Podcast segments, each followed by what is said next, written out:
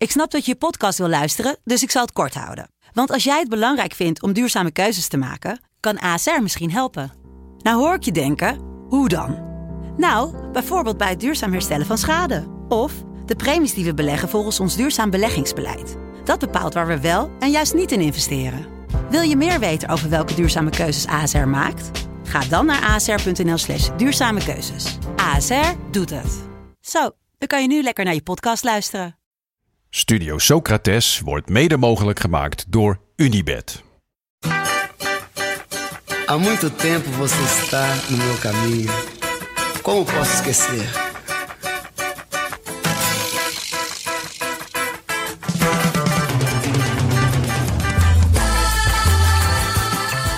Welkom bij Studio Socrates, een podcast over alles wat voetbal mooi maakt. Martin Eudegaard wordt, uh, wordt gepresenteerd uh, als, uh, als nieuwe speler voor, voor de Heerenveen. Big chance for us, also a big chance for you, because you can show your skills in one and a half year and to develop yourself. Eudegaard naar zijn linker, lekkere knal en een schitterende gelijkmaker. Martin Eudegaard, juweel van een doelpunt. Alegria você, menina,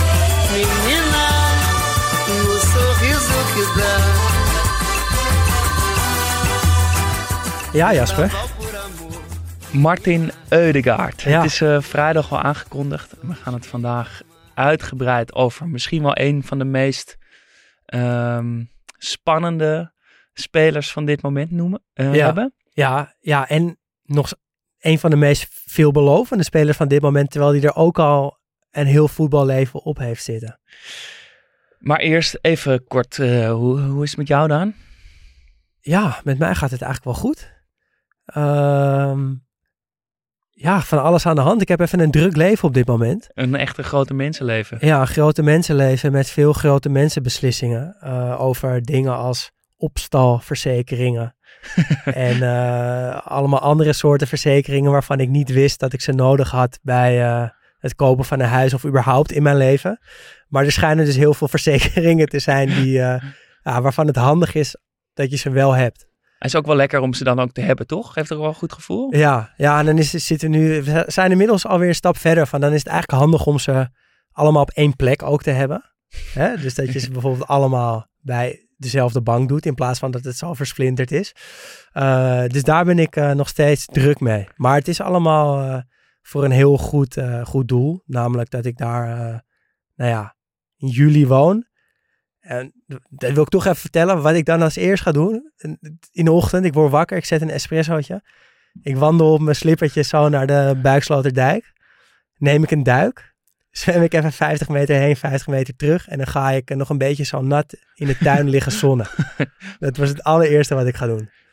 Ja, echt zin in. Hoe is het met jou? Ja, ook uh, druk. Is je café al open? Uh, nee, uh, nog niet. vanaf 1 april is echt de grote opening. En daar, ik hoop wel dat we al dat wat eerder grap. gaan. nee, het is, het is echt zo. het is echt waar. Ja. ik hoop wel dat we wat eerder al proef gaan draaien. Een beetje gewoon warm, warm worden. maar en, ja, wat je zegt, ook veel grote mensen beslissingen. Personeel aannemen, roosters maken, kassasystemen. Ja, ga, ga, bierdeals, ga zo maar door. Maar de, ja, het is heel leuk om daar plannen over te maken. Wat het, wat allemaal, ja, het zelf kunnen beslissen ja. wat je met zo'n plek wil doen.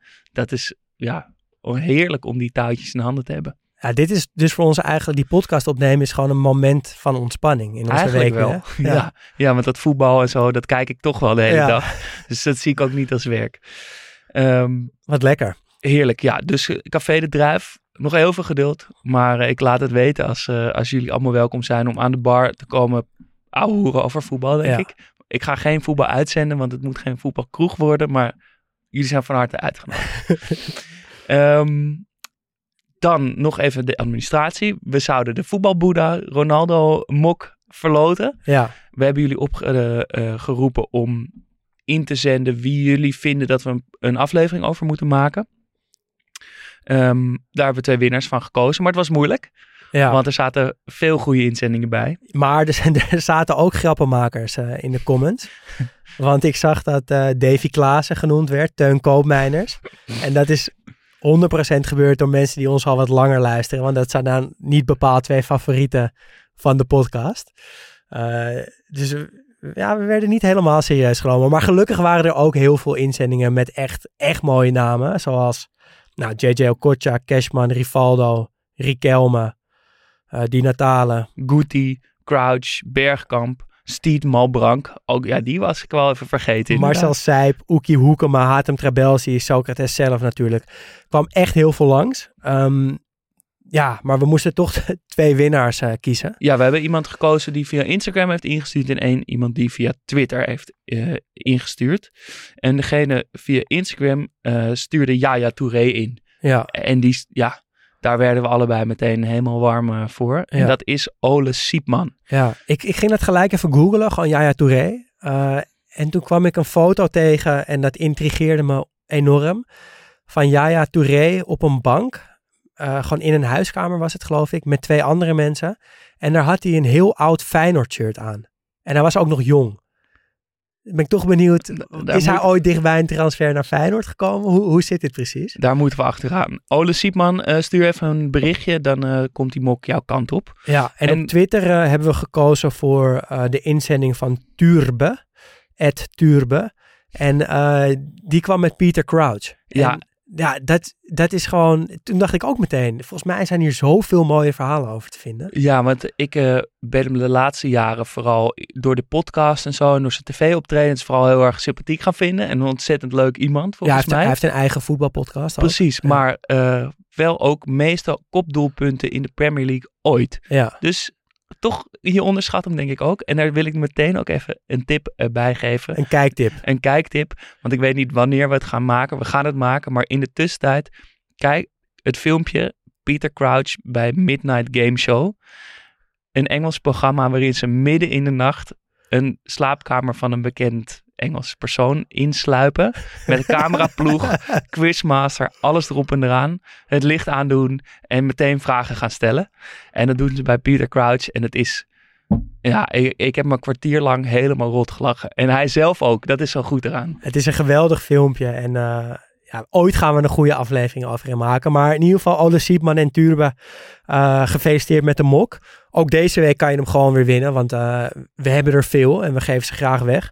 Dus like uh, of retweet de aflevering ja, die nu online staat en tag een vriend en je maakt kans op, op de voetbalboeddha Ronaldo mok.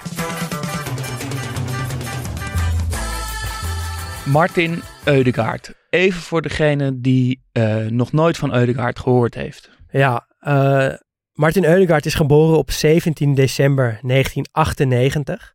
Hij debuteerde in het Noorse betaalde voetbal bij Stromsgodet IF. Uh, daarna kocht Real Madrid hem. Daar speelde hij in Real Madrid B, in het eerste van Real. Hij werd uitgeleend aan Herenveen, Vitesse en Real Sociedad. hij werd zelfs ook nog eerst even kort uitgeleend aan Arsenal. Uh, totdat die club hem in 2021 kocht voor 60 miljoen euro. Um, op clubniveau heeft hij inmiddels 308 wedstrijden gespeeld. 49 goals, 56 assists. Mooi in balans. Mooi in balans, inderdaad. Hij kwam 39 keer uit voor Noorwegen. En hij is pas 24 jaar. Dat is misschien toch nog wel het engste aan, die, uh, aan de alle statistieken. Ja, ja, en ik vond toch ook wel 60 miljoen euro wat Arsenal aan Real betaald heeft ook heel veel geld. Voor een speler die eigenlijk Herenveen, Vitesse en Sociedad achter zijn naam had staan. In Real, bij Real eigenlijk niet zoveel te vertellen gehad. Nee, en in die uitleenperiodes af en toe heel goed was, maar ook af en toe echt nog zoekende was. Gaan we het zo uitgebreid over hebben. Uh, maar ik schrok echt van die transfersom. En nu kan je natuurlijk zeggen dat dat was het dubbel en dwars waard. Was het ook, is het ook. Maar echt wel serieus geld voor, uh, voor iemand die ja, zeker nog niet was doorgebroken in de Europese top. Ja, dus 24, eigenlijk nu pas uh, voor het eerst nou, echt wereldtop. Waarom hebben we dan deze aflevering over hem? Ja, nou, we, we hebben natuurlijk altijd over, of bijna altijd, dus over spelers die al gestopt zijn en die, uh, die een beetje komen uit de vormende periode van ons. Hè, een beetje zo tussen de, nou, 2000 en 2010. Ja, zo tussen de 8 en 18 jaar zo ongeveer. Uh, maar er zijn ook gewoon spelers die nu voetballen en die het voetbal mooi maken. En Eudegaard is daar zeker eentje van. En ik vind het ook een, ja, op het eerste gezicht vond ik een heel interessant verhaal. Van iemand die wordt vanaf zijn vijftiende de hemel ingehyped. Uh, lijkt een beetje een Ferdi Adu-achtig verhaal te worden, maar komt toch bovendrijven. Uh, heeft in Nederland gevoetbald, dus volgens mij zit daar heel veel voor een, uh, voor een uh, goede aflevering. Um, ja, 24 jaar, dat, dat verhaal van dat, van dat talent, dat, e, dat, die hype, dat hangt natuurlijk altijd aan hem. Maar ik moet ook zeggen dat ik sinds dit seizoen hem ook, vooral als ik nu aan hem denk, hem, dat talent eigenlijk een beetje heb losgelaten. En ik hem meer zie als een soort wederopstanding van de nummer 10 positie. Ik heb een beetje het gevoel dat je de klassieke nummer 10's had altijd. Die het spel eigenlijk verdeelde bijna, waar, waar het samenkwam. De, Wie bedoel je? Bedoel je daar meer type Liedmaan of meer type Van de Vaart, zeg maar? Ja, creatieve ja. middenvelders uh, op nummer 10, achter ja. de spitsen.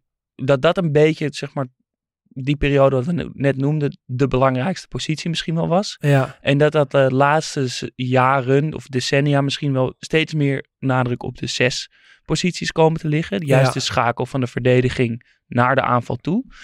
Uh, en ik heb het gevoel dat Eudegaard misschien wel weer een klassieke nummer 10 is, die die rol dus weer een linie naar voren schuift. En zegt nee, ik ben de belangrijkste uh, positie. Ik bepaal, ik creëer de kans. En die, dat die beslissing dus nu wat later op het veld gemaakt wordt. Vind ik een mooie, mooie gedachte. En het, ja, als je bij, ja, als ja. je naar, ja, vind ik echt een mooie ja, gedachte.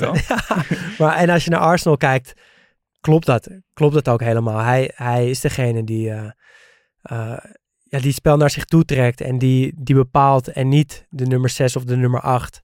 Hij is degene die dat doet. En dat, ja, het is de allermoeilijkste manier van voetballen, toch? Met, met heel veel spelers op de helft van de tegenstander. Ja, in het moeilijkste gebied. Ja, in het moeilijkste gebied van het veld. Ga, ga, daar maar regelen en, en hij kan dat. Uh, gaan we het zo uh, lekker over hebben. Maar wat is, wat, waar moet jij als eerste aan denken bij hem? Mm, nou ja, ik moet, als ik heel eerlijk ben, moet ik toch zeggen aan, aan een overschatte speler. Het heeft bij mij echt heel lang geduurd voordat ik uh, Odegaard echt omarmde. Ik, heb, ik werd een beetje moe van die, van die hype, denk ik, van 15 jaar en dan naar Real Madrid. En ja, is dat niet een, een PR-stunt? En hoe goed uh, kan je nou zijn op je 15e, 16e? En wat kan je er ook over zeggen op die leeftijd? In mijn optiek is het veel belangrijker wat er in de jaren daarna gebeurt. Um, nou, hij heeft natuurlijk ook in Nederland gespeeld en daar ja, vond ik hem eigenlijk ook niet altijd even goed. Uh, en ik heb ook wel een fase gehad dat ik, ja, dat ik ook niet zoveel had met die Scandinavische talenten die toen veel in Nederland speelden. En dat ik daar ook een beetje van dacht van welke Scandinavische voetballer is nou ooit echt heel goed geworden?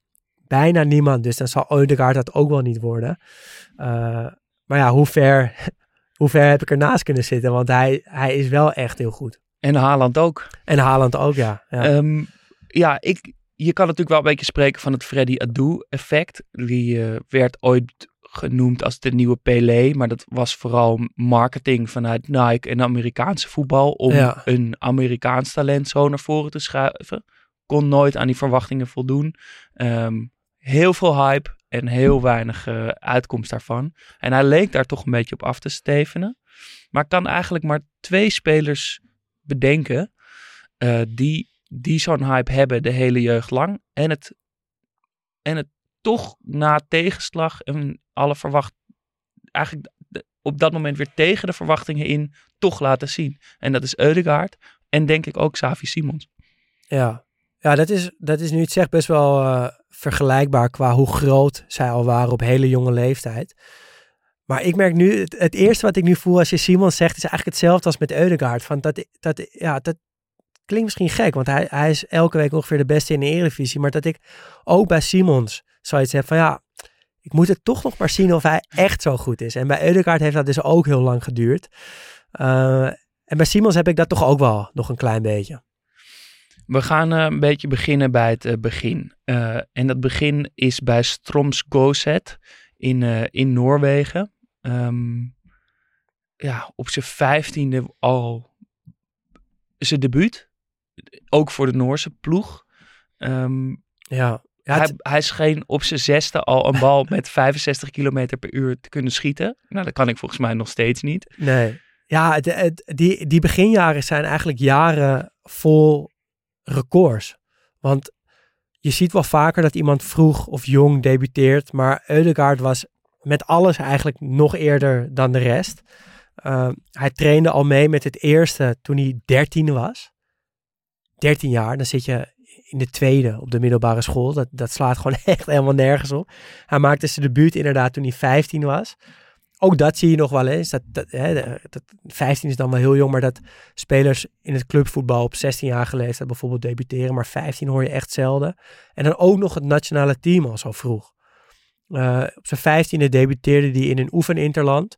En toen hij net 16 was, toen deed hij ook al echt mee met Noorwegen om het Eggy. Gewoon ja, een WK-kwalificatie. Ja, gewoon kwalificatiewedstrijd. Dat is, dat is echt bijzonder. En ik weet ook nog wel dat dat voor het eerst een beetje een moment was dat ik dacht, oh, misschien is hij dan toch wel echt zo goed. Ik was nog lang niet overtuigd. Had jij al van hem gehoord op zijn vijftiende in die Noorse competitie van, hé, hey, er is opeens een jongen van, van 15 die al debuteert?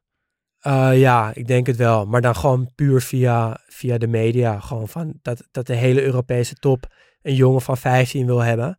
En ja, dan ben je toch even benieuwd van wie is dat dan en is hij echt zo goed? Compilatiefilmpje kijken. Ja, ja en maar het, het vette was wel van hem dat je, je kon ook echt al beelden kijken. Want hij, hij speelde al op het hoogste niveau. Hij, hij speelde al in die eredivisie van Noorwegen. En daar was ook nog wel een mooi verhaal over, is dat tijdens zijn debuut werd hij gewoon finaal doormidden getrapt door Christian Greentheim. een speler die nog bij Herenveen een tijdje voetbalde. En toen was er in Noorwegen een soort van nationaal debat. Uh, wat ging over, ja, als je een jongen van 15 zo hard trapt, is dat niet een soort van, is dat niet bijna strafbaar? Want het is gewoon nog een klein kind. Zo jong was hij, Ja. toen, hij toen hij daar voetbalde. Ja, en kan je, weet je wel, kan je die, die, die verantwoordelijkheid dus wel aan spelers geven, aan zijn medespelers of tegenstanders en aan hemzelf, weet je? Mag, kan je dat Ja. wel iemand al blootstellen aan die wereld? Ja, en soms zie je natuurlijk voetballers van 15 die fysiek al helemaal volgroeid zijn en die, die al best wel sterk zijn en die duels kunnen spelen. Maar als je die foto's van Eudegaard ziet van zijn, eh, van zijn debuutseizoen bij Stromsvaget, dan, dan, ja, dat, dan lijkt hij gewoon echt een pubertje met een beetje pukkeltjes en zijn haar zit ja, door de zijn haar is echt fantastisch. En hij draagt te jaren. grote, te grote shirts en te grote broekjes.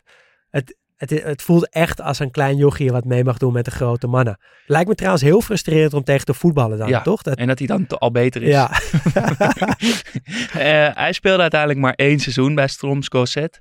23 wedstrijden, 5 goals, 7 assists. En toen werd hij al gekocht door Real. Was pas een maand 16. ja. Ik Ja. vind het, ja, het valt me op dat dat best wel goede statistieken eigenlijk al zijn. Ehm, en dat, ja, dat het heel vroeg is, maar als je dan een beetje zo leest over die achtergrond van Eudegaard, dan is het ook weer niet zo vroeg, want zijn hele leven stond in het teken van profvoetballer worden. Zijn vader was profvoetballer. Ehm, de- ja, heb je die film gezien? eh, een beetje raar zijpad misschien, maar van Venus en Serena Williams? Eh, nee, met die met Will Smith? Ja, dus dat, Nee, dat eh, nee, niet het gaat eigenlijk over die vader. Eh, En in die film komt naar voren dat, dat hij eh, eigenlijk een soort van masterplan heeft uitgedacht. Vanaf het moment dat hij merkt dat zijn kinderen goed kunnen tennissen, wat op hele jonge leeftijd is. En dan heeft hij gewoon jaren vooruit gestippeld. Oké, dan moeten we ongeveer hier zijn. We gaan die eerste contracten niet tekenen, ook al, ga- over, ook al gaat het over miljoenen, want er komt nog wat beters. Want jij bent de beste van de wereld. Tegen Venus zei hij, ik maak jou de, de beste tennisser van de wereld. En tegen Serena zei hij, ik maak jou de beste tennisser ooit. Dus het, daar lag al zo'n heel plan klaar. En dat was bij Eudegaard, was het eigenlijk ook al zo. Want die, die vader, die stelde alles in het teken om hem prof te laten worden. Ja, en, dat, en het klinkt eh, heel snel heel een beetje eng. Zo'n zo'n vader die zijn kind pusht om zijn eigen droom om de beste voetballer te worden. Jiske vet filmpje. Ja, precies. Dat, het, dat, het er, da- dat die druk vooral vanuit de vader komt. Maar waar in het lezen van interviews en van medespelers en anderen komt vooral naar voren dat Eudegaard zich eigenlijk altijd die druk zelf eh, zo oplegde en zijn vader daar dus eigenlijk in meenam. Eh, ik, hij wilde zelf nog beter worden of nog meer gepusht of nog meer trainen of nog beter worden. Ja, maar het blijft natuurlijk een beetje glad ijs of je dat al of je dat, of je denkt dat je dat wilt of dat je dat echt wilt als je 15 bent. Toch stel nu dat Eudegaard het niet had gered. En je had dan nu die verhalen gelezen over die vader die hem dan die soort van indoor voetbalhal voor hem bouwt. Ja, 50.000 euro om het pleintje om de hoek om te bouwen tot een volwaardig goede trainingscomplex met kunstgras. En die ook niet alleen trainde op, op links- en rechtspasen, maar ook op dingen als nou, scannen dus al op, op hele jonge leeftijd. Van eerst om je heen kijken als je de bal ontvangt en dan kijken waar de ruimte ligt waar je naartoe kan gaan. Ja, zou toch, ik weet niet, ik, krijg, ik vind het toch een beetje uh, ja, maar ja, glad ijs. Dat is niet zo, want hij heeft het gewoon uh, gered. Hij speelt dat jaar bij Stroms Godet en ja. kan echt uit elke club ter wereld kiezen. Uh, ze staan allemaal voor hem in de rij. Ja. Ook dat, daar zit die vader natuurlijk achter, of die begeleidt dat hele proces, wat natuurlijk ook heel logisch Tuurlijk, is. Ja. en dan kan het misschien beter je vader zijn dan een geheide zaakwaarnemer. Ja. er um, waren dertig clubs, zeiden ze achteraf, die hem wilden hebben. En hebben we dus over een jochie van vijf, net 16. Uh, en ze hebben, nou, ze zijn eigenlijk heel Europa overgevlogen om te kijken, oké, waar past het dan het best? Uh, soms zijn er zelfs grote namen uit de voetbalwereld naar Noorwegen gevlogen om, om hem over te halen. Zo Van Gaal, toen hij bij Menu zat, is naar Noorwegen gevlogen om hem over te halen. later, toen Solskjaer trainer werd, heeft die natuurlijk, hè, allebei Noors, alles gedaan om hem binnen te halen. Hij heeft bij City uh, rondleidingen gehad. Uh, daar is nog met, weet je, Pep was nog naar voren geschoven van ja, hij wordt hier trainer, dat weten we al. Uh, hij gelooft in jou, je kan met hem gaan werken, hij gaat jou de beste speler ter wereld maken. Wenger bij Arsenal nam hem mee uit eten. Ja, dat is ook een schattig verhaal dat hij met zijn vader dus met Wenger ergens steekfriet gaat eten. En dat hij, nou hij is natuurlijk gewoon een 16-jarige Ja. pikkie en zit opeens naast, ja, want hij is altijd fan geweest van Arsenal, zit opeens tegenover zijn grootste held en denkt, misschien word ik al wel hierop beoordeeld hoe ik eet. Ja. Dus dat hij heel keurig gaat eten en dat hij denkt, nou misschien moet ik mijn frietjes maar niet eten, want dan denkt Wenger dat ik, weet ik veel, geen Niet discipline heb of eh, niet voor mijn sport lees. Ja, Ja, ja, dus- zo'n jongetje is, was het dus gewoon. Ja, en Barcelona die, eh, die, die gooide Messi in de strijd. Want naast dat Eudegaard fan was van Arsenal, was hij ook groot fan van Messi. Ehm, die nodig, eh, nodigde hem uit om, om een paar dagen langs te komen in Barcelona. En die, die trip eindigde met Barcelona-Cordoba, werd 5-0. Messi scoorde twee keer. Eh, maar toen kreeg Barcelona die ban dat ze een tijdje geen eh, spelers jonger dan 18 eh, mochten inlijven. Dus dat ging ook niet door. Hij is bij Bayern München geweest. Hij is bij Liverpool geweest. Hij sprak een uur met Jurgen Klopp. Maar, maar Madrid, dat was eigenlijk... Die ja, lieten hun spierballen zien. ja, want die, ja, die leidden hem rond. Die, hij kwam in de kamer waar, waar, waar al die Champions League trofeeën stonden. Uh, maar toen de keuze echt gemaakt moest worden, toen werd de troefkaart ingezet. Toen kwam Zinedine Zidane kwam de kamer binnenlopen. En uh, ja, die zei, ik wil je gewoon even persoonlijk ontmoeten. Ja, en, en Zidane was op dat moment de coach van Real uh, Madrid B. Ja. Um, en daar zou hij dus komen te spelen. Hij zou gaan meetrainen met het eerste, maar ja. wedstrijden met het tweede. Zijn vader kreeg een mooie uh, contract als jeugdtrainer van de onder 11. Voor ook, ook weer een, een klein beetje eng, hè? Eigenlijk. Ja, voor mega salaris ja. ook. Uh, maar ja, ja, ja, maar Zidane die zei gewoon, ik, weet je, ik, ik geloof in je, ik wil met je werken, ik ga je, ik ga je een betere voetballer maken. En dat was, ja, dat soort van voetbaltechnische was toch wel wat Eudegaard echt wilde horen. En zo kwam er, zoals hij het zelf vertelt, een shortlist van vier clubs. Uh, Bayern, Real, Arsenal, Liverpool en koos hij uiteindelijk voor Real. En kwam hij dus als 16-jarige jochie terecht ja, in de kleedkamer van uh, Galacticos. Ja, het is natuurlijk gek om te bedenken dat als je een, een gearriveerde speler bent, dan heb je een grote transfersom. Dan kunnen mensen je wel willen, maar er is er vaak weinig sprake dat er ook echt een transfer komt. En als je zo jong bent, kan je natuurlijk echt ja. Overal heen, want je kost waarschijnlijk nog helemaal niks. Dat investeren wil iedereen wel. Ja, uh, want ik las bijvoorbeeld ook dat Celtic of zo was ook concreet. Of ja. AS Roma. Wat zou jij, als jij in die schoenen zou staan, wat is er dan een, waar zou jij voor kiezen? Uh, ja, ik, ik weet niet of ik bestand zou zijn geweest tegen Zidane in levende lijven. maar ik, ik moet ook altijd bij dit soort verhalen wel denken aan Arsenal. Aan, aan die verhalen van Van Persie vroeger. dat hij, eh, dat hij daar vroeg heen ging en in wat voor een warm bad hij terecht kwam. En dat hij na de, na de training in een jacuzzi zat en dat hij dan Bergkamp in zijn eentje nog buiten zag trainen op die eerste aannames en het wegdraaien. En ah, volgens En mij... Die zei, wat je ook doet, ik, ik, eh, ik verover die bal wel weer, dus ga gewoon lekker voetballen. Ja, ja dus ik denk, ik, ik denk dat Arsenal toch ook wel een soort van holy grail misschien is voor, voor een jong talent om daar terecht te komen. Ik zou toch denken dat je voor een club moet kiezen waar, die bekend staan eh, om spelen, jonge spelers een kans te geven. Dus, ik Dus niet denken- Real Madrid. Niet Real Madrid. Nee, ik denk ook dat het achteraf misschien toch wel, ook al zegt hij zelf geen spijt hebben gehad, een verkeerde keuze is geweest. Maar ik zou denken eerder Borussia Dortmund. Dan speel je wel ook tegen wereldtop, maar speel je ook tegen wat relatief kleinere teams. Eh, geweldig stadion, geweldige club. Is hij ook nog langs League. geweest? Ik, ik denk dat ik daar eerder voor zou kiezen. Maar ja, een beetje route Bellingham. Ja. Ja, het lijkt me zo lastig als je 15 bent. Verschrikkelijk. Ja, en, en Zidane zegt, ja. kom hier, dan Ja. doe je dat gewoon. Maar het werd de Real en er, eh, ze kozen ervoor. En privéjet kwam hem 's ochtends vroeg vanuit Noorwegen ophalen. Ehm, zo vroeg dat hij snel wat kleren in, in een tas had gedaan voor de presentatie. Niet had gedoucht, dat, dat die privéjet inrolde. En dacht, nou dan gaan we wel eerst even naar een hotel, een beetje opfrissen. Maar in plaats daarvan werd hij dus bijna in zijn pyjama de perszaal inge, ingerold. Ehm, zijn haar nog helemaal door de war. Stond hij opeens naast Butragueño, de gier. Ja, eh, die helemaal strak in pak, heel officieel, met een hele zaal vol pers hem presenteert.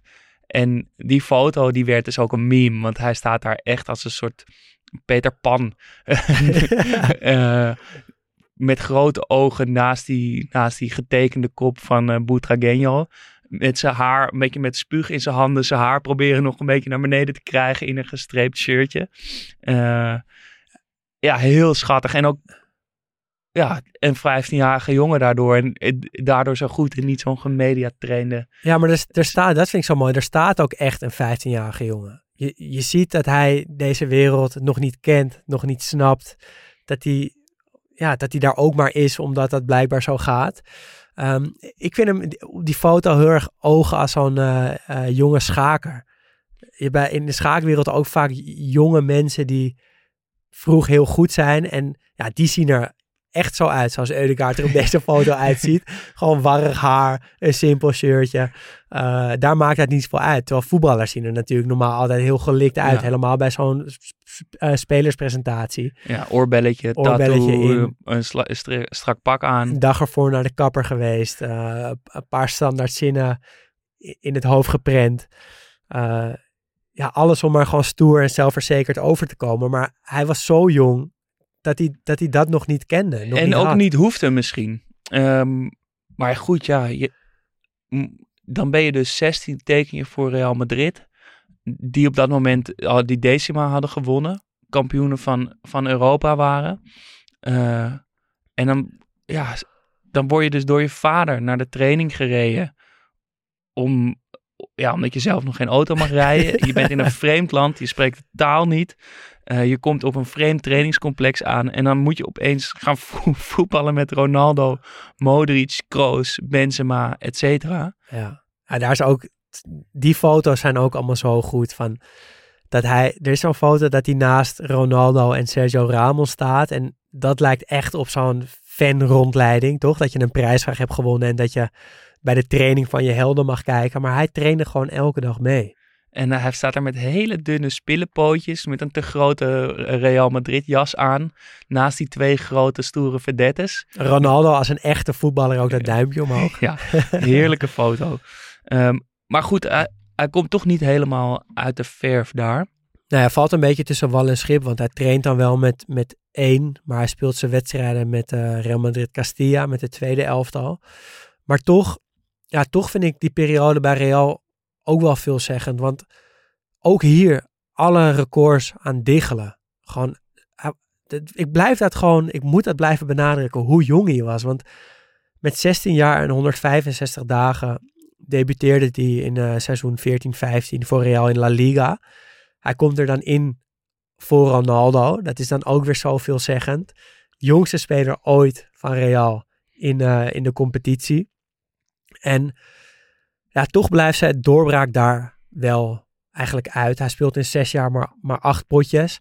Ehm, Ancelotti is een keer nog heel kritisch geweest op, op de komst van Eudegaard. Die zei van ja, ik hoefde hem helemaal niet te hebben. Het was een PR-stunt van uh, Florentino Perez, van de voorzitter.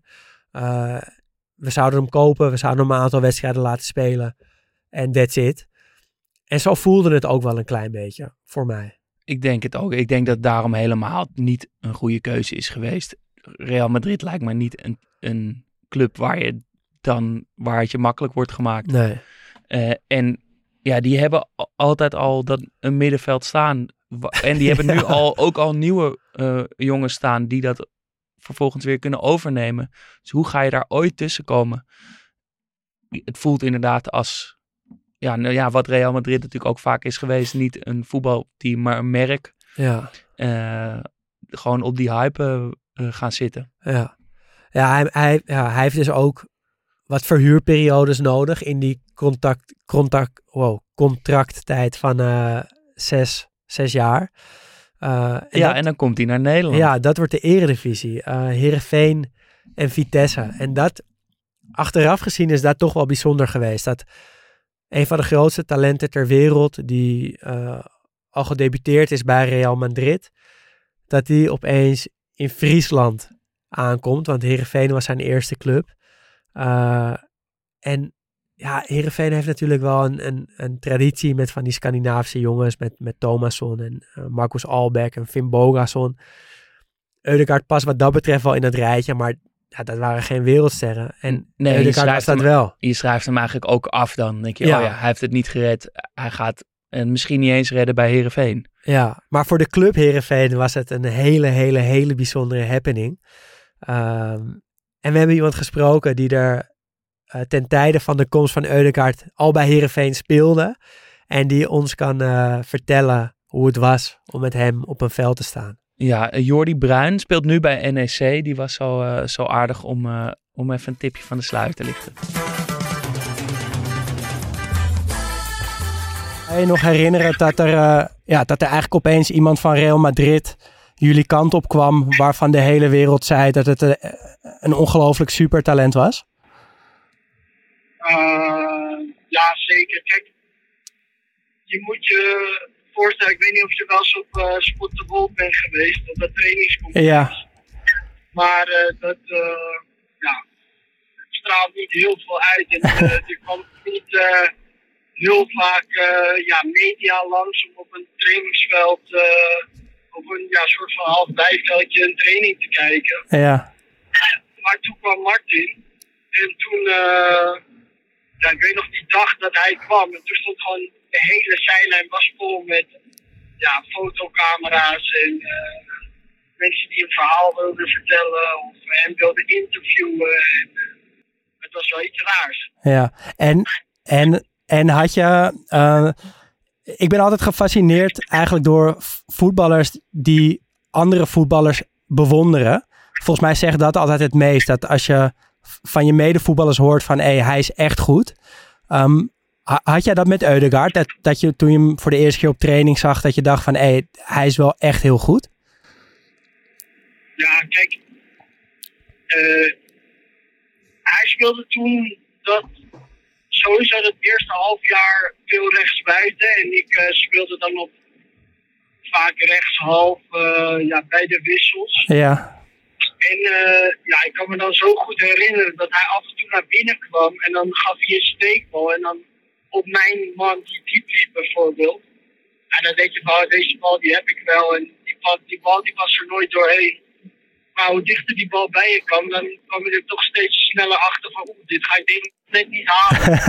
en dat soort momenten, dat heb ik zo, nou, niet alleen ik, maar gewoon, dat heb ik zoveel gezien op training. Dat is wel echt, uh, ja, bijzonder. Ja. Ook met als hij ging afwerken of zo, dat, ja, soms heb ik ook als ik naar mensen kijk en hij schiet er weer een vrije trap en dan denk ik van, maar keeper, je kan toch gewoon duiken, die bal was toch niet zo hard. Ja. Maar het zo goed geplaatst. En dat heeft hij, dat heeft hij ook. Ja. Het is zo ja, raar om te zien. Ja, en, en als je, uh, wat zijn nou dingen die uh, buiten dan wat je nu zegt, waaraan je merkt dat hij echt goed is?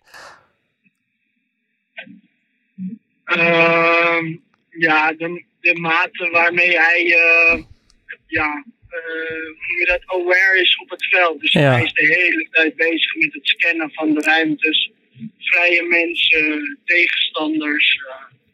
ja, dat is extreem. Ja. Dat was toen al. En nu als ik nu kijk, ik vind het leuk om naar Arsenal te kijken. Zeker omdat hij er ook is, maar ook omdat ze gewoon mooi voetbal spelen. Ja. Uh, ja, ja, je ziet dat hij de hele tijd bezig is met het zoeken naar ruimtes en tegenstanders en medespelers. Ja. En had je verwacht toen, toen jullie samen bij Heerenveen zaten dat het nog eh, nou, de kant van de wereldtop zou opgaan?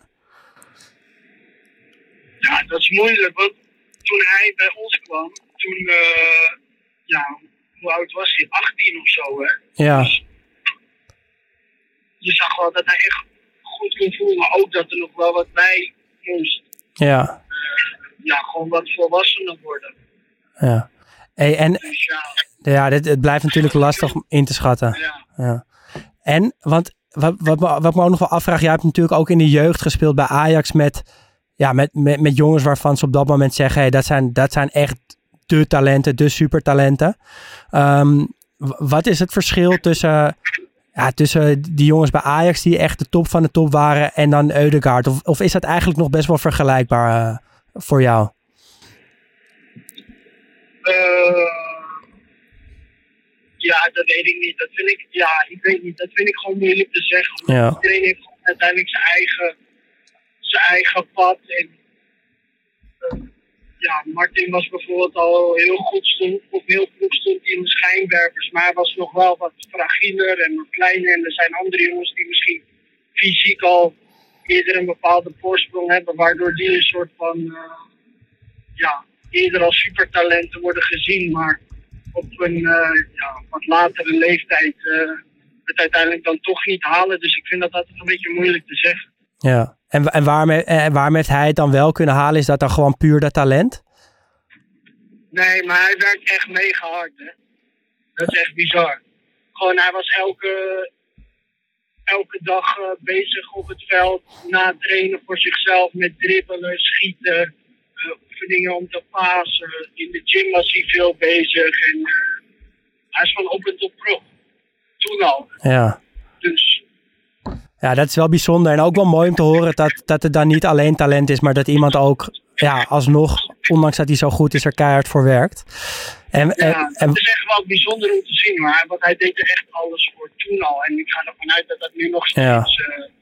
eh, ja. zo is. En ehm, wa- wat voor een. eh, ha- had je een beetje contact met hem? Wat, voor een jongen was hij dan in de groep?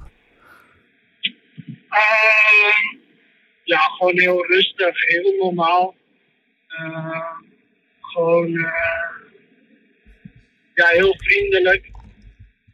Gewoon niet, hij is niet de,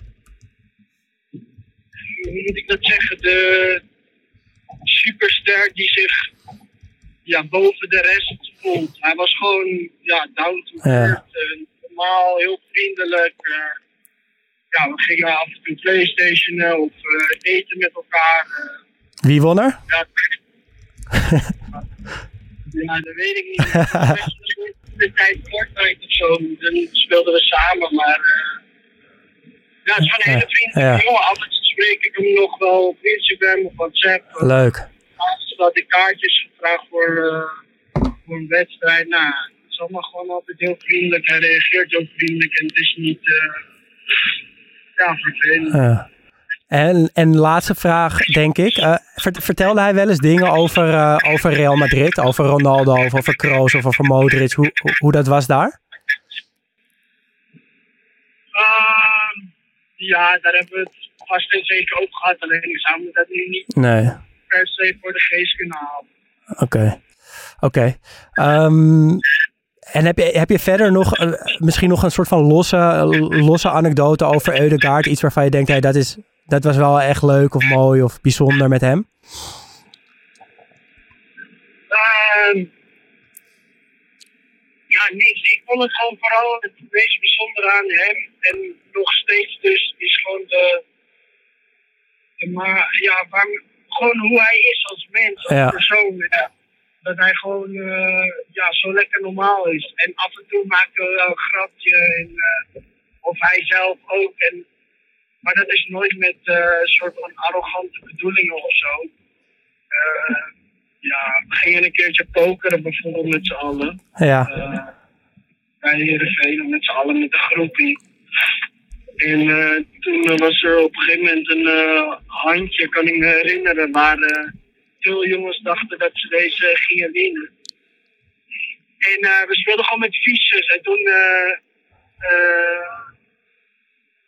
ik weet niet meer exact hoe het ging, maar iemand legde voor de grap zijn autosleutels op tafel.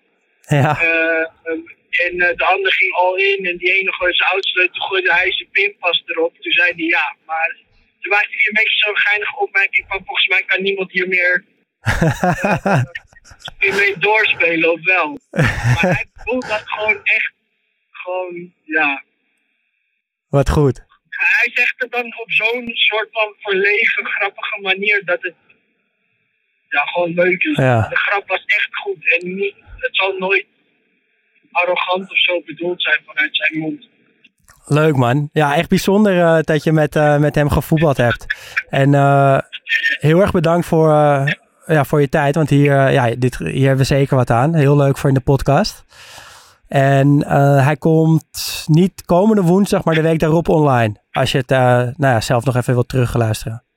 Ja, leuk. Ja, en we-. Ja, en we sturen het je ook nog wel even op als het, als het zover is. Is goed. Oké man, nou heel, eh, heel erg bedankt en eh, succes eh, dit weekend eh, met NSC. Dankjewel, jullie ook nog. Oké man, tot later. Hoi hoi. Doei doei. Nou, ik vond het goed van Jordi om te, om te horen dat, dat het dus en dat talent is, maar dat het bij Eudegaard, en misschien is dit dus ook wel de reden waarom hij het wel heeft gehaald, eh, is dat harde werken. Gewoon heel veel talent hebben en ook heel veel werklust. Ja, dus dat dat, dat dat zelfs als je zoveel talent hebt, dat dat samen gaat. Ja. Ja, ja en ik vond zijn, eh, dat, dat pokerverhaal ja, is natuurlijk waanzinnig, maar ook, ook eh, ja, die treffende, dat treffende verhaal van met hem op het veld staan en denken dat je snapt wat er gebeurt, Ja. maar het eigenlijk net niet snappen. Maar straks als we het over zijn Arsenal-tijd hebben, gaan we daar nog eh, wat langer op inzoomen. Wat ik ook zo lekker vind aan, aan de periode dat hij in Nederland heeft gespeeld, is dat er dus een, een wereldvoetballer, eh, want dat kunnen we nu wel zeggen over Eudegaard, dat hij heeft gespeeld met hele kleine Met alle respect. voetballers. Ik zag bijvoorbeeld dat Eudegaard heeft meer wedstrijden met Henk Veerman gespeeld dan met Erling Haaland. en dat vind ik gewoon zo'n zo'n zo'n mooi, mooi gegeven. Dat ja, de grote Martin Eudegaard dus meer dan 30 wedstrijden met Henk Veerman heeft gevoetbald. En sowieso vind ik dat altijd iets heel moois aan voetbal. Je ziet het wel vaker bij landenteams, dat dus hele grote voetballers bij hele kleine eh, voetballers in een team zitten. Wales had het op het WK met Bill, die opeens gaat voetballen met, met jongens uit de derde divisie in Engeland. Noorwegen heeft het eigenlijk als land nu zelf ook wel. Met Ja. eh, Haaland dus ook en Eudegaard en allemaal jongens die... Nou, het is eigenlijk juist wel zijn. opeens een. Maar er is ook wel een soort. eh, een soort generatie die is opgestaan in Noorwegen. Ja. Nou ja, ik dat heb is, wel het idee dat er een gouden generatie nou ja, het is. hoeveel geluk heb je als land als twee van je... nou, eigenlijk je beste twee spelers ooit in hetzelfde timeframe vallen. Daar, daar moet zij heel blij mee zijn.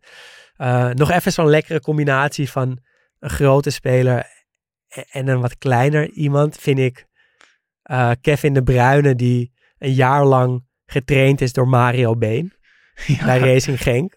Vind ik ook een wonderlijke combinatie. Eh, ik moet dan wel meteen denken aan Burak Yilmaz nu bij Fortuna. Ja. Maar eigenlijk moet ik dan... De, het, de raarste combinatie is dan misschien niet met een speler, maar was Anelka als adviseur volgens mij bij Roda JC. Ja. Dat was een... hoe dat ooit... Hoe die wegen elkaar ooit hebben gekruist, daar snap ik nog steeds helemaal niks van. Er zijn ook foto's van, eh, van Anelka. Toch? In, in een rode shirt met een... eh, Ja, ja, met een duimpje ja, omhoog. duimpje en die, en die bril op. Ja, ik vind het eh, ik, een van de mooie dingen van voetbal. Dat er zulke wonderlijke combinaties kunnen ontstaan. En andersom is het natuurlijk ook dat er een mindere speler bij een grote club opeens staat. Ik noem even Wout Weghorst weer. Ja, of Alexander Butner bij Menu. Dat vind ik nog- misschien nog wel het allermooiste voorbeeld eh, van het woonwagenkamp. Letterlijk naar Old Trafford toe. En weer terug. En weer terug, ja. Ehm, maar goed, hij- ja, die periode bij Herenveen, het gaat wel, maar ik heb toch het idee dat er ook veel aanpassingsproblemen moest wennen aan zijn nieuwe omgeving. ja, nog steeds pas 17, 18 jaar. En je hebt al, je- dit is voor de tweede keer eigenlijk dat je een enorme stap maakt op zo'n jonge leeftijd. Eerst naar, naar Ja. de top, naar Real, en dan weer opeens een stap terug. Een jaar Ja. later wordt hij eh, verhuurd aan Vitesse. Eh, en daar, daar gaat het, nou ja, daar zie je eigenlijk misschien wel voor het eerst glimpen van, van ja, hoe goed hij wel niet was. Ehm, Ik heb ook wel het idee dat dat de periode is dat het, gaat, dat het klikt. ja, ze halen de play-offs. Eh, zijn rendement gaat echt omhoog. Ehm, ik, kwa- ik kwam nog een filmpje tegen dat hij in dat seizoen Teun Koopmeiners een hele lekkere panna geeft. Daar werd ik toch ook blij van.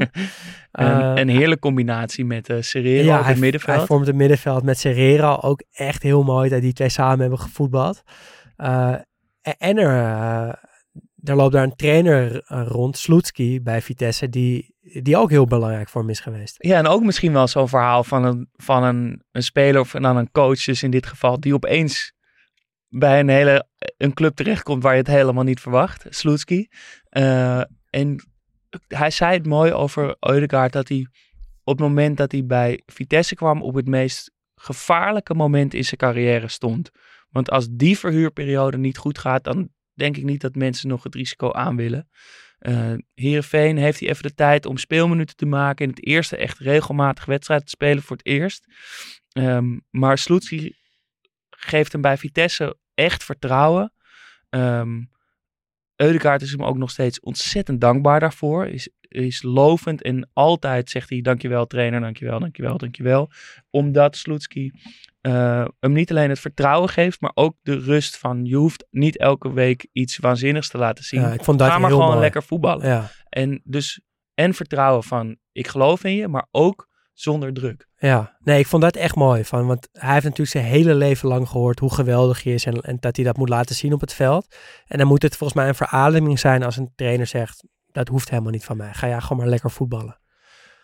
En wat is dan, laten we, wat is dan die kwaliteit van Eudegaard? Of zijn, zijn handtekening, waar, waarom is hij dan nu zo'n topspeler geworden? Ja, ik, ik uh, vind toch, dat, ja, eigenlijk de combinatie van dat, dat scannen van de omgeving, dat uitzonderlijk goed kunnen uh, en daar naar kunnen handelen. Daarna, hè, want je hebt dan die omgeving goed gescand, daarna een goede keus kunnen maken. En bij Eudegaard gaat het nog wel wat verder, want hij kan echt een, een, een elftal totaal aan de hand nemen. En een wedstrijd naar, naar zich toe trekken en dan niet met een doelpunt of met uh, wat, ja, met, met een soort van hardheid en duelkracht, wat je natuurlijk soms ziet dat spelers op die manier een wedstrijd veranderen. Maar hij kan dat echt door de bal te gaan zoeken, uh, door ervoor te zorgen dat hij steeds vaker aan de bal komt. En als dat gebeurt, gaat een elftal ook beter voetballen. En dat, ja, voor iemand die pas 24 is, vind ik dat, een, uh, vind ik dat wel een hele bijzondere kwaliteit. Ik had hier een heel betoog geschreven over dat ik zijn kwaliteit vind dat hij uh, onder, onder druk die bal zo goed kan aannemen en kan opendraaien. Ja. Want dat scannen is natuurlijk één ding, maar, maar ja, dan moet je het ook nog uitvoeren en jezelf in een positie krijgen dat je uh, onder druk die bal uh, diep kan steken in die ruimte die je hebt gescand. Uh, en ik, ik, had het idee dat, dat Berbatov, die had het allemaal al gezien. Die heeft aan één of twee balcontacten genoeg, bij wijze van spreken. Ja. En, en Eudegaard lijkt wel meer een soort wonderslof van Shaki, dat hij af en toe verbaasd moet zijn over hoe snel zijn voeten reageren om onder druk aangespeeld te worden en weg te dribbelen. Uh, dat wilde ik uh, hier allemaal zeggen. Dat vind ik ook nog steeds. Maar hij is, daarmee doe je hem echt tekort. Want daarna heb ik nog veel meer compilatiefilmpjes gekeken en wedstrijden. En hij heeft natuurlijk ja, hij heeft, hij heeft alles. Hij heeft dat overzicht, hij heeft die steekballen, lange ballen, uh, korte combinaties. Hij heeft zijn techniek, die aanname. Hij weet heel goed wanneer hij hem even bij zich moet houden of in één keer door moet spelen. Dat zie je hem dus ook heel vaak doen. Hij is onvoorspelbaar, hij is snel. Het is allemaal buitengewoon. En ja, die, en dan, ja, die, de, dus eigenlijk het scannen is heel goed. Dan die eerste aanname, het opendraaien, is geweldig. En dan is die voortzetting, die steekbaas, Ja. is hij ook nog eens een van de beste Ja. op dit moment. Ja, dat keuzes maken, dat, vind ik, dat hangt er natuurlijk heel erg aan vast. En dat is iets wat we, nou, toen we het vrijdag even kort hadden over wat talent nou is, dat ja, komt dat bij mij tenminste toch wel heel erg naar voren. Dat je heel intuïtief de juiste keuze maakt. En dat, dat doet Eudegaard eh, echt heel goed. En dat is en inmiddels een heel klein beetje kan je dat wetenschappelijk onderbouwen. Want hij heeft een keer zo'n test gedaan met, met allemaal moeilijke software, software. En dan ging het over de omgeving scannen en de juiste keuzes maken. En toen was zijn feedback op dat apparaat was... Ja, kunnen jullie de situaties niet wat moeilijker maken of de snelheid wat hoger zetten? Want dit is te makkelijk voor mij. Ja, maar hij schijnt het wel op een hele lieve, bescheiden Ja, manier ja. gezegd te hebben. Dus dat is. tekent hem ook nog meer. En als ik zelf wedstrijden van hem kijk en, en, en, en ik heb het dan over die beslissingen maken, dan vind ik het heel goed dat hij, kijk, dat aannemen en opendraaien en het spel verleggen, dat is iets heel goeds. Alleen vaak ziet dat er beter uit dan dat het is, omdat je, wil eigenlijk de bal hebben op het deel van het veld waar, waar je heel veel medespelers hebt staan. Want dan, dan kan je samen eh, aan iets bouwen, dan kan er iets ontstaan. En heel vaak draaien spelers open en spelen ze een back of een buitenspeler aan die, nou als die bal echt perfect is, één tegen één staat. Maar als die bal iets van snelheid mist, dan is er al dubbele dekking. En dan heb je helemaal niks aan dat een speler daar in zijn eentje met de bal staat. En Eudegaard kan het zo goed inschatten dat hij precies aanvoelt van waar op het veld moet ik heen met de bal? Uh, wie moet ik de bal gaan geven en waar moet ik vervolgens dan zelf heen?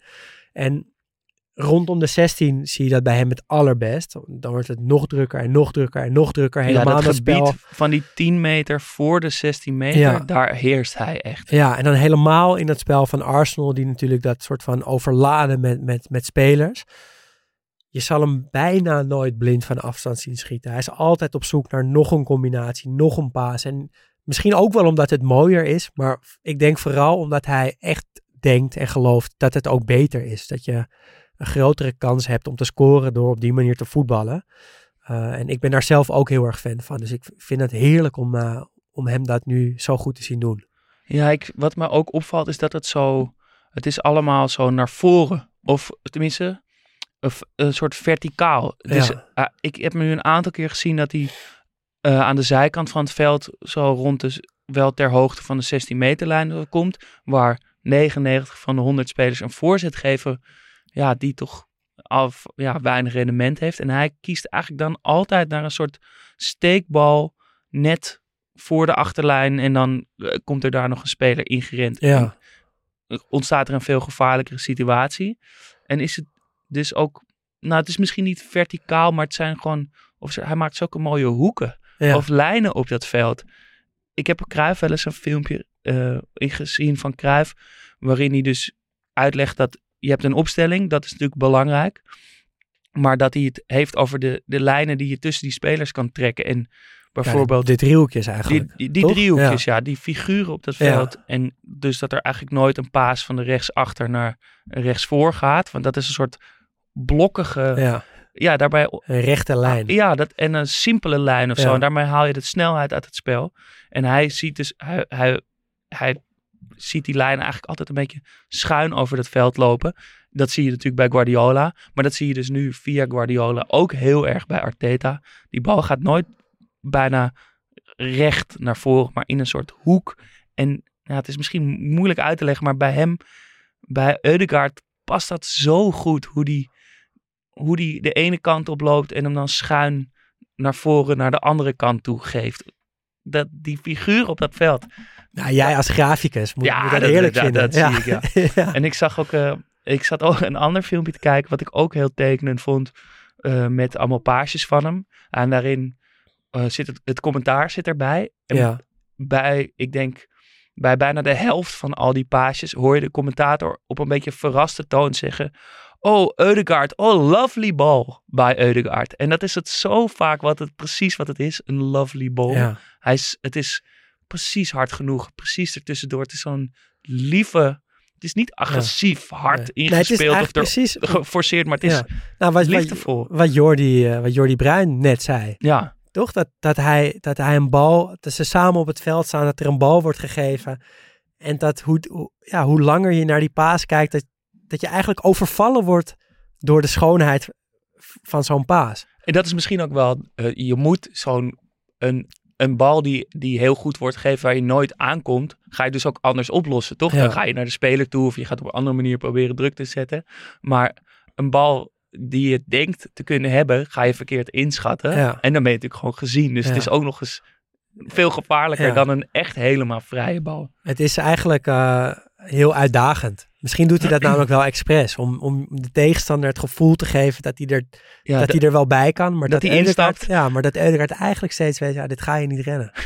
ja. Wat is jouw, eh, heb jij een, een favoriete actie van hem? Een hoogtepunt? Ehm, nee, niet, niet één moment. Maar wat ik het mooist vind, is wat ik net eigenlijk al vertelde. Van het doorvoetballen rond de 16. Van het constant maar blijven zoeken eh, naar openingen. En volgens mij is jouw moment iets wat... Is eigenlijk daar een, is een uitvloeisel daarvan. Dat is iets wat dat, precies dat is. Ja, dat was voor het eerst dat ik ook echt eh, die realisatie kreeg van, oh, hij is echt, echt wereldtop. Was het paasje tegen Manchester United. Eh, die wedstrijd zat ik live te kijken en ik, ik, ik had het eigenlijk nog nooit gezien. Hij komt, eh, hij verovert de bal, rent op de 16 af. eh Varane stapt in en met zijn linkervoet tikt hij de bal eerst naar binnen, naar zijn rechter toe. En voordat je denkt dat hij met rechts gaat controleren, tikt hij hem weer met de buitenkant van zijn linkervoet door op een doorgelopen Shaka. Dus eigenlijk een soort akka-paas, een flikpaas, die op het juiste moment op het, wordt, wordt uitgevoerd. En volgens mij een actie die je alleen doet als je en heel lekker in, een, in je vel zit, in een team wat goed draait, en als je heel veel talent hebt. Ja. Want, want denk je, ja, als je, je kan denk ik zijn spel nu niet loszien van wat er allemaal bij Arsenal gebeurt. Gaat het lukken? Gaan ze kampioen worden? Nou, ik, ik was toch wel even bang dat ze op zijn Arsenals zouden choken. Ja. Dat ze op het laatste moment toch met een finish in zicht toch eh, struikelen. Maar door die, eh, die laatste paar wedstrijden waarin ze, waarin ze dus om nog toch wel net over de streep trokken. Ook vooral met name, ik vond, ik vond het laatste half uur tegen United eh, een paar weken geleden echt ongelooflijk goed. Dat Ja. ze en heel veel druk zetten en zo ge- geforceerd die goal wilden maken. Maar dat ze ook nog eens heel goed bleven voetballen. En dat ze dat nu toch ook kunnen laten zien. Dus ook tegen die kleinere ploegen waar ze dan vaak lastig tegen hebben. eh, heb ik toch het idee dat het moet gaan lukken. Ja. ja, ik denk dus ook dat het gaat gebeuren. En ik vind het zo. Ja, het, valt zo mooi samen met, met, eh, met, die, met die rise van Eudegaard eigenlijk. Want hij, hij zit daar dan nu, eh, nou ja, twee jaar ongeveer. En Arsenal is ook al, nou langer wel dan twee jaar, maar aan het bouwen aan zo'n elftal waar, waarmee het misschien wel kan gaan lukken. Eh, en ze hebben nu een beetje zo'n vintage Arsenal team te pakken. Weet je wel, met ja, wordt het mooier dan Martinelli, Odegaard en Saka op een rij? Ja, bijna niet. Dat, is, dat, dat ademt Arsenal. En het is natuurlijk nog mooier omdat ze de giganten City en Liverpool, ja, Liverpool is wel echt afgehaakt, maar City nou, lijken af te troeven. Eh, en eh, ja, hij past zo goed bij, bij die club. En de club past zo goed bij hem. En die spelers, dat valt allemaal zo goed Ja, want het moet samen. toch- Het moet nu toch gebeuren. Het, het kan toch niet. Als het, als het nu niet lukt, namelijk, dan denk ik echt dat het volgend jaar totaal ineenstort. Dat ze, dat ze na, weet je, op, rond kerst totaal zijn afgehaakt al. Het moet dit jaar gebeuren. Het moet komen, ja. En die combinatie met Saka en, eh, en Martinelli. Die weten dat als ze die ruimte inlopen, Ja. dat ze die bal gaan krijgen. Dat, dat, ja, dat moet heerlijk zijn om daarin mee te draaien. En ik vind het een, ja, wat je zegt ook.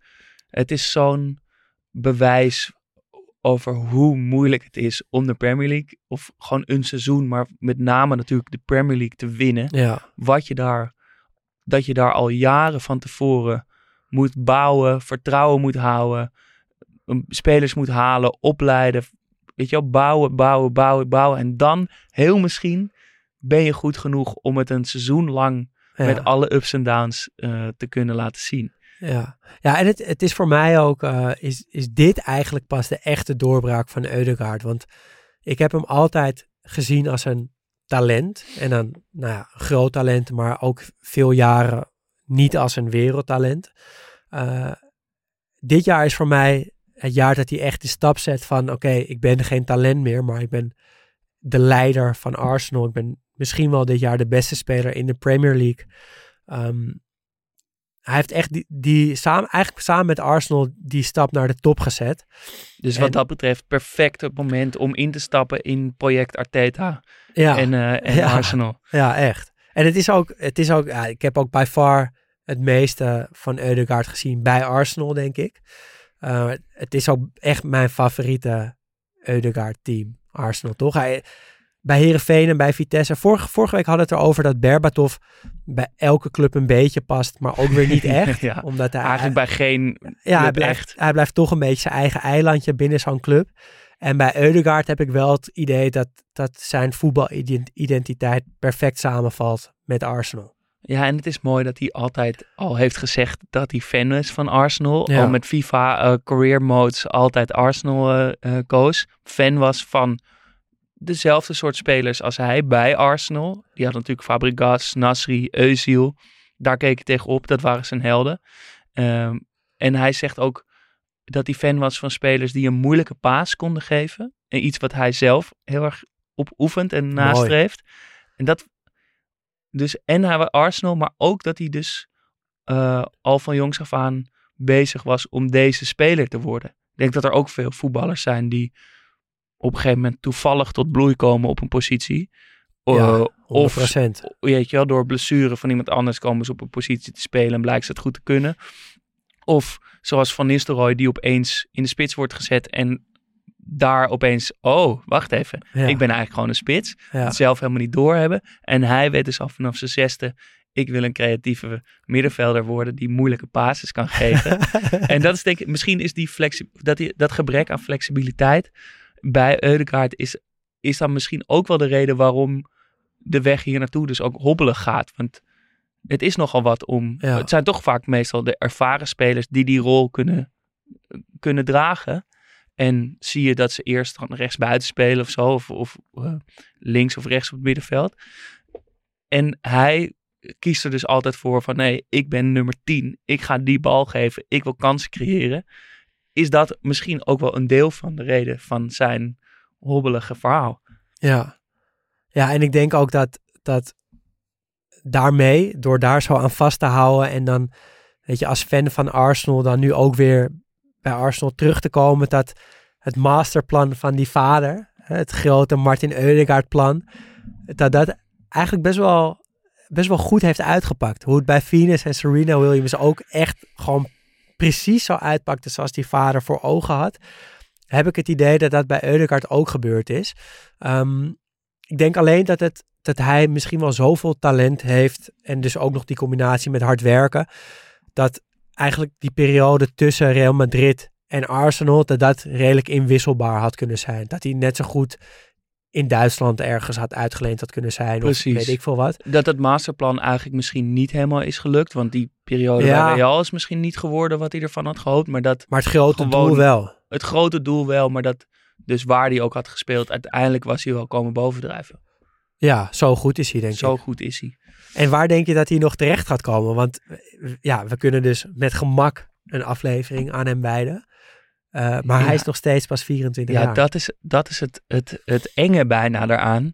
Dat er denk ik spelers zijn die inderdaad bijna een hele carrière nodig hebben om op een punt te komen dat het samenvalt. Dat ze met de goede, juiste trainer, bij het juiste team, op de juiste positie, Benzema. met de juiste ervaring hebben. Ja, zo'n Benzema Toch? die opeens, weet je wel, lang in de schaduw en dan opeens komt het samen en dan word je wereldtop. Ik las laatst dat bijvoorbeeld Modric pas op zijn 27ste bij Real terecht kwam. Nou, dat bedoel ja. ik. Dat, dat duurt vaak zo lang voordat je dat zelf begrijpt, doorhebt, er klaar voor bent.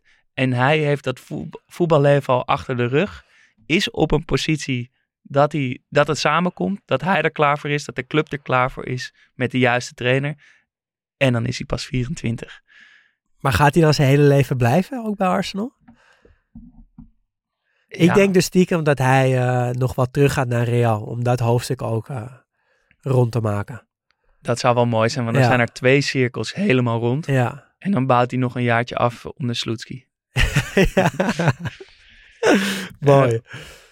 Heb jij nu eh, meer zin gekregen om, om Arsenal aan het werk te zien? Nu Ja. een soort van helemaal in zijn voetballeven ged- gedoken bent? Ja, precies. Want normaal zijn het natuurlijk oude spelers en kijken we blokkerige compilatiefilmpjes of oude wedstrijden terug. Ehm en is er niet zoveel om naar uit te kijken verder. Maar dit is voor het eerst dat we dus zo'n relatief jonge speler eh, behandelen. En ja, hoe meer je weet, hoe leuker het is om naar te kijken. Dus nu met alle info die ik heb van Eudegaard, hoe, hoe leuker het wordt om naar hem te kijken komende week. Ga ik dus ook eh, zeker doen. Heerlijk, ja. Het bewijst maar dat je niet een hele obscure voetballer hoeft te hebben met eh, allemaal rare fratsen en streken om, om een aflevering aan te wijden. Genieten. We zijn er weer doorheen. We zijn er vrijdag weer. Ja. Dan met een tipje van de sluier van de voetballer van volgende week. We gaan nog niet verklappen eh, wie dat is. Nee, dat hoor je dan. Ehm, en in de tussentijd dus nog reageren voor de Ronaldo voetbalboedamok. Ja. En eh, ik zou, ja, volg ons op eh, Instagram en Twitter, dat kon al. Maar eh, je kan ons dus ook volgen op TikTok. Heb jij TikTok? Nee, ik heb hem ook nog nooit gezien. Of zo, ik heb nog nooit een telefoon vastgehouden en daar of met TikTok en dat Nee. gekeken. Ik ook niet. Maar ja, dat, dat gaat nu wel gebeuren. Het gaat gebeuren. Ja. Eh, jij bedankt eh, Daan en iedereen van FC Afkikken bedankt. Studio Socrates wordt mede mogelijk gemaakt door FC Afkikken. Wil je meepraten? Dat kan. Laat een bericht achter op vriendvandeshow.nl slash Studio Socrates of via Instagram studio-socrates. En mailen kan trouwens ook. Ons e-mailadres is studiosocratespodcast.gmail.com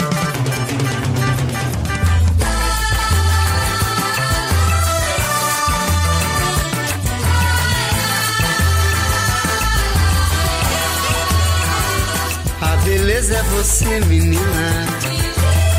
Menina, no seu jeito de olhar. O sucesso é você, menina. Menina, no seu modo de andar. A alegria é você, menina. Menina, no sorriso que dá. Vendaval por amor, menina, menina, todos querem te amar. Ei, vento, vento, vento no mar, te segura no balanço, pro vento não te levar.